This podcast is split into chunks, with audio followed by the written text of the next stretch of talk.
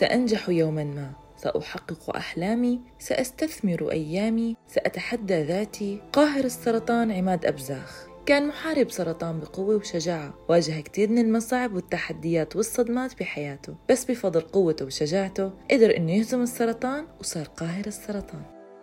مرحبا معكم عماد أبزاخ من الأردن. عمري 23 سنة. موظف حاليا. قبل خمس سنين صار معي كانسر. واضطريت أترك دراستي وإن شاء الله راح أرجع أكملها بأقرب وقت. مو تاريخ واحد بل كان عدة تواريخ وعدة أيام وعدة لحظات اجتمعوا بوجع واحد وقوة وحدة وأمل واحد مع شخص مكافح. إذا تاريخ واحد ما بنساه يا ريت بس إنه صراحة عدة تواريخ ما بتنتسى. كيف تم اكتشاف المرض؟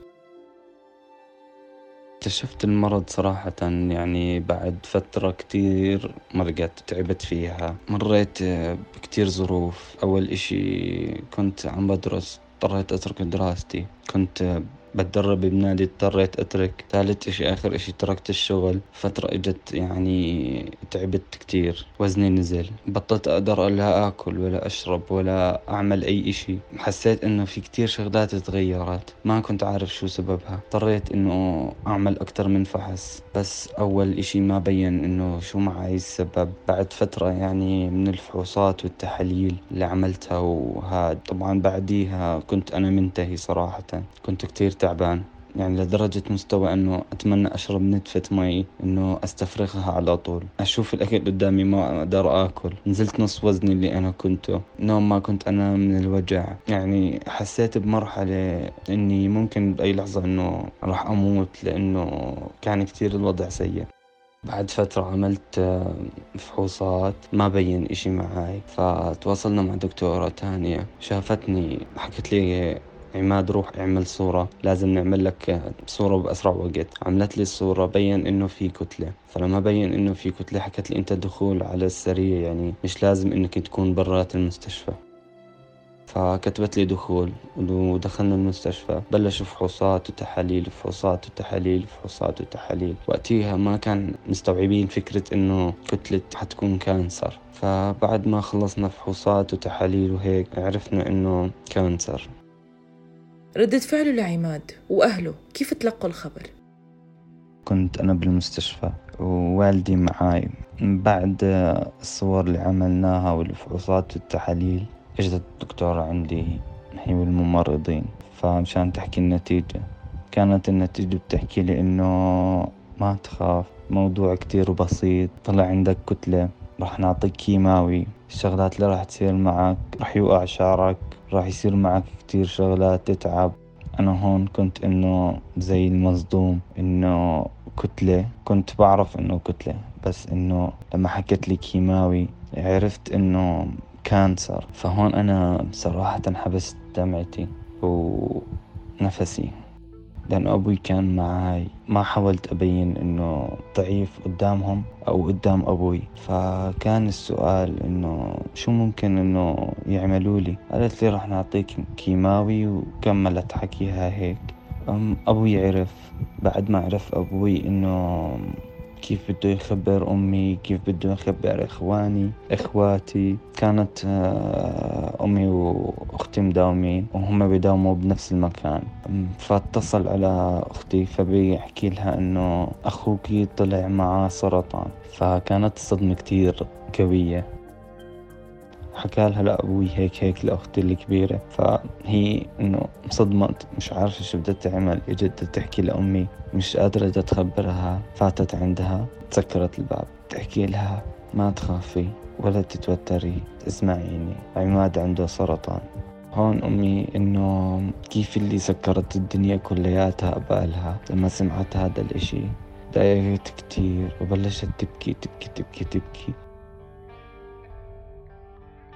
بعدين إنه أهلي تضايقوا كتير كانت ردة فعلهم يحاولوا يبينوا قوايا قدامي وأنا أعطيتهم نفس ردة الفعل. ما بينت إنه أنا متضايق أو إنه بكيت قدامهم بلحظة خلال الفترة هاي. انه مشان ما أبين لهم إنه ضعفي بس أنا اللي صار معي بعد كل هاد. بالليل بعد ما إجوا أهلي عندي وعرفوا هاد ضليت لحالي بالغرفة. وقتها صرت أبكي كتير.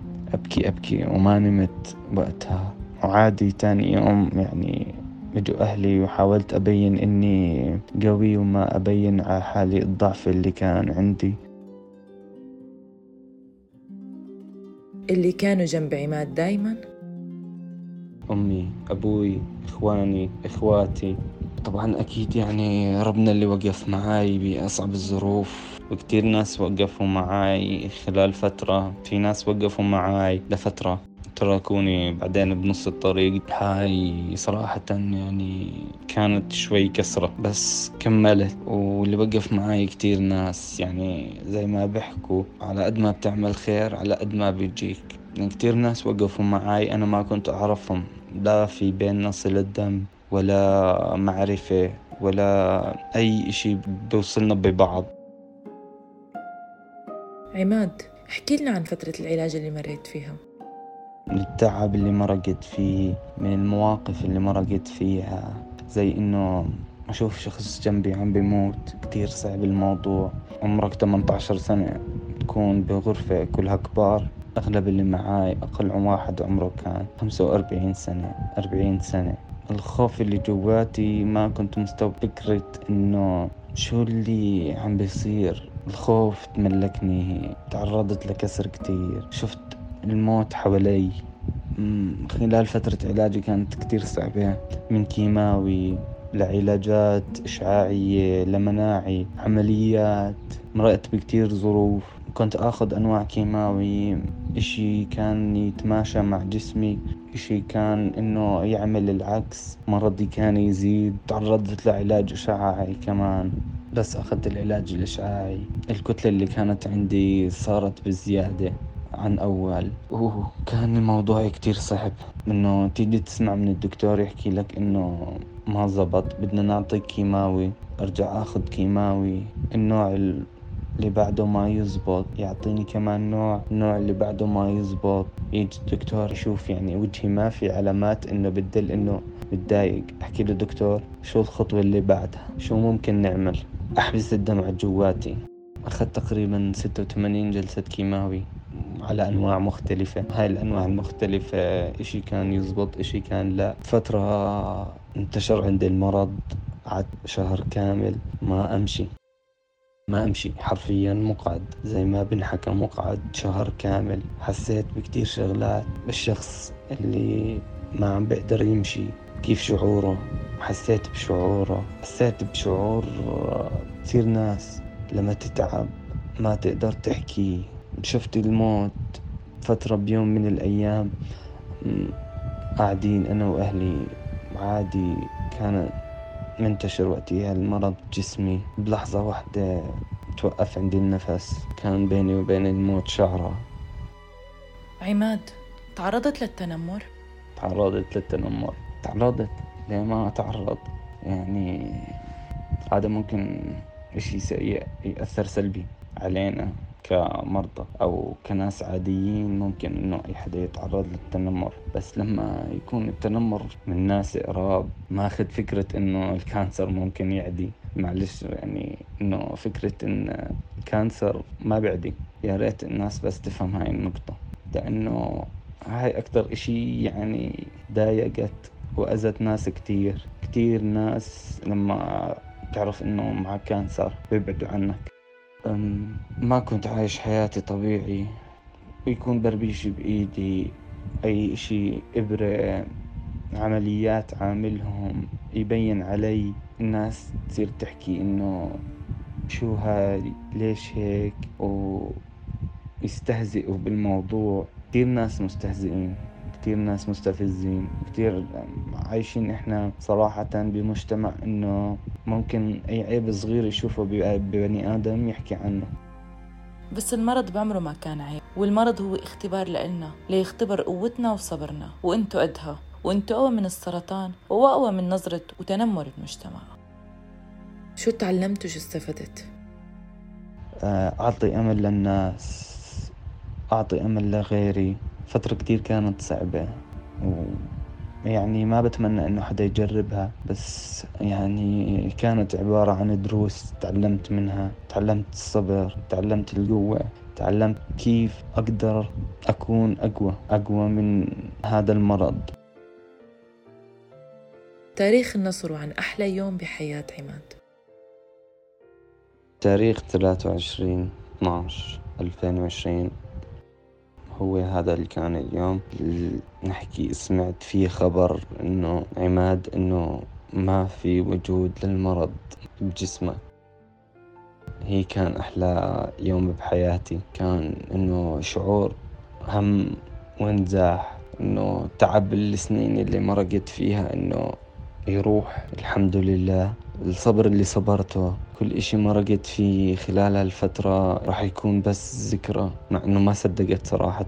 أنا تاني يوم رجعت للدكتور طبعا رنيت عليه. مرحبا دكتور كيفك؟ جد إنه أنا ما ضل إشي معي للمرض إنه حتى الدكتور انصدم. بحكي لي عماد ما ضل إشي عندك. لدرجة من الصدمة إنه عدت يوم كامل لاستوعبت الفكرة. يعني من الفرحة فرحة الناس اللي كانوا حوالي أهلي أمي أبوي إخواني. الناس اللي بشتغل معي عيلتي يعني كانت آه، كفيلة إنه تعوض عن الأيام اللي مرقت فيها اللي كانت كتير صعبة.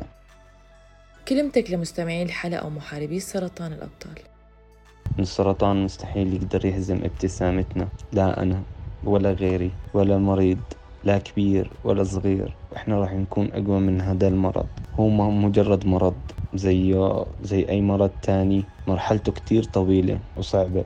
راح نمر بمواقف ننكسر نضعف نخسر بس راح نكون أقوى. طول ما عنا أمل تفاؤل عزيمة وإرادة كل هاي الأمور وللناس اللي بتسمع. يعني أنت كإنسان واجبك تعامل مريض السرطان باحترام.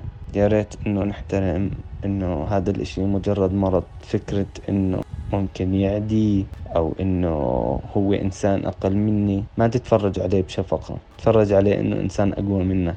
عم بحارب إشي ممكن أنت لو تعرضت له ما تقدر تحاربه. يا ريت إنه يكون كل الناس واعيين ويتفهموا فكرة إنه مرض السرطان مش مجرد مرض هي مرحلة بنمر فيها بحياتنا.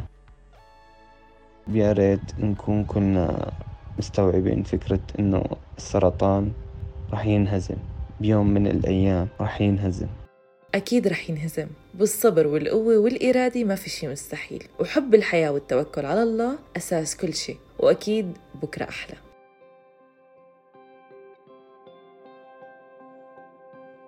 كنتوا عم تسمعوا حلقة جديدة من بودكاست حكايتي مع السرطان. معي أنا غيتاء مراد آغا. استنونا بأمل جديد وحكاية أمل جديدة. سلام!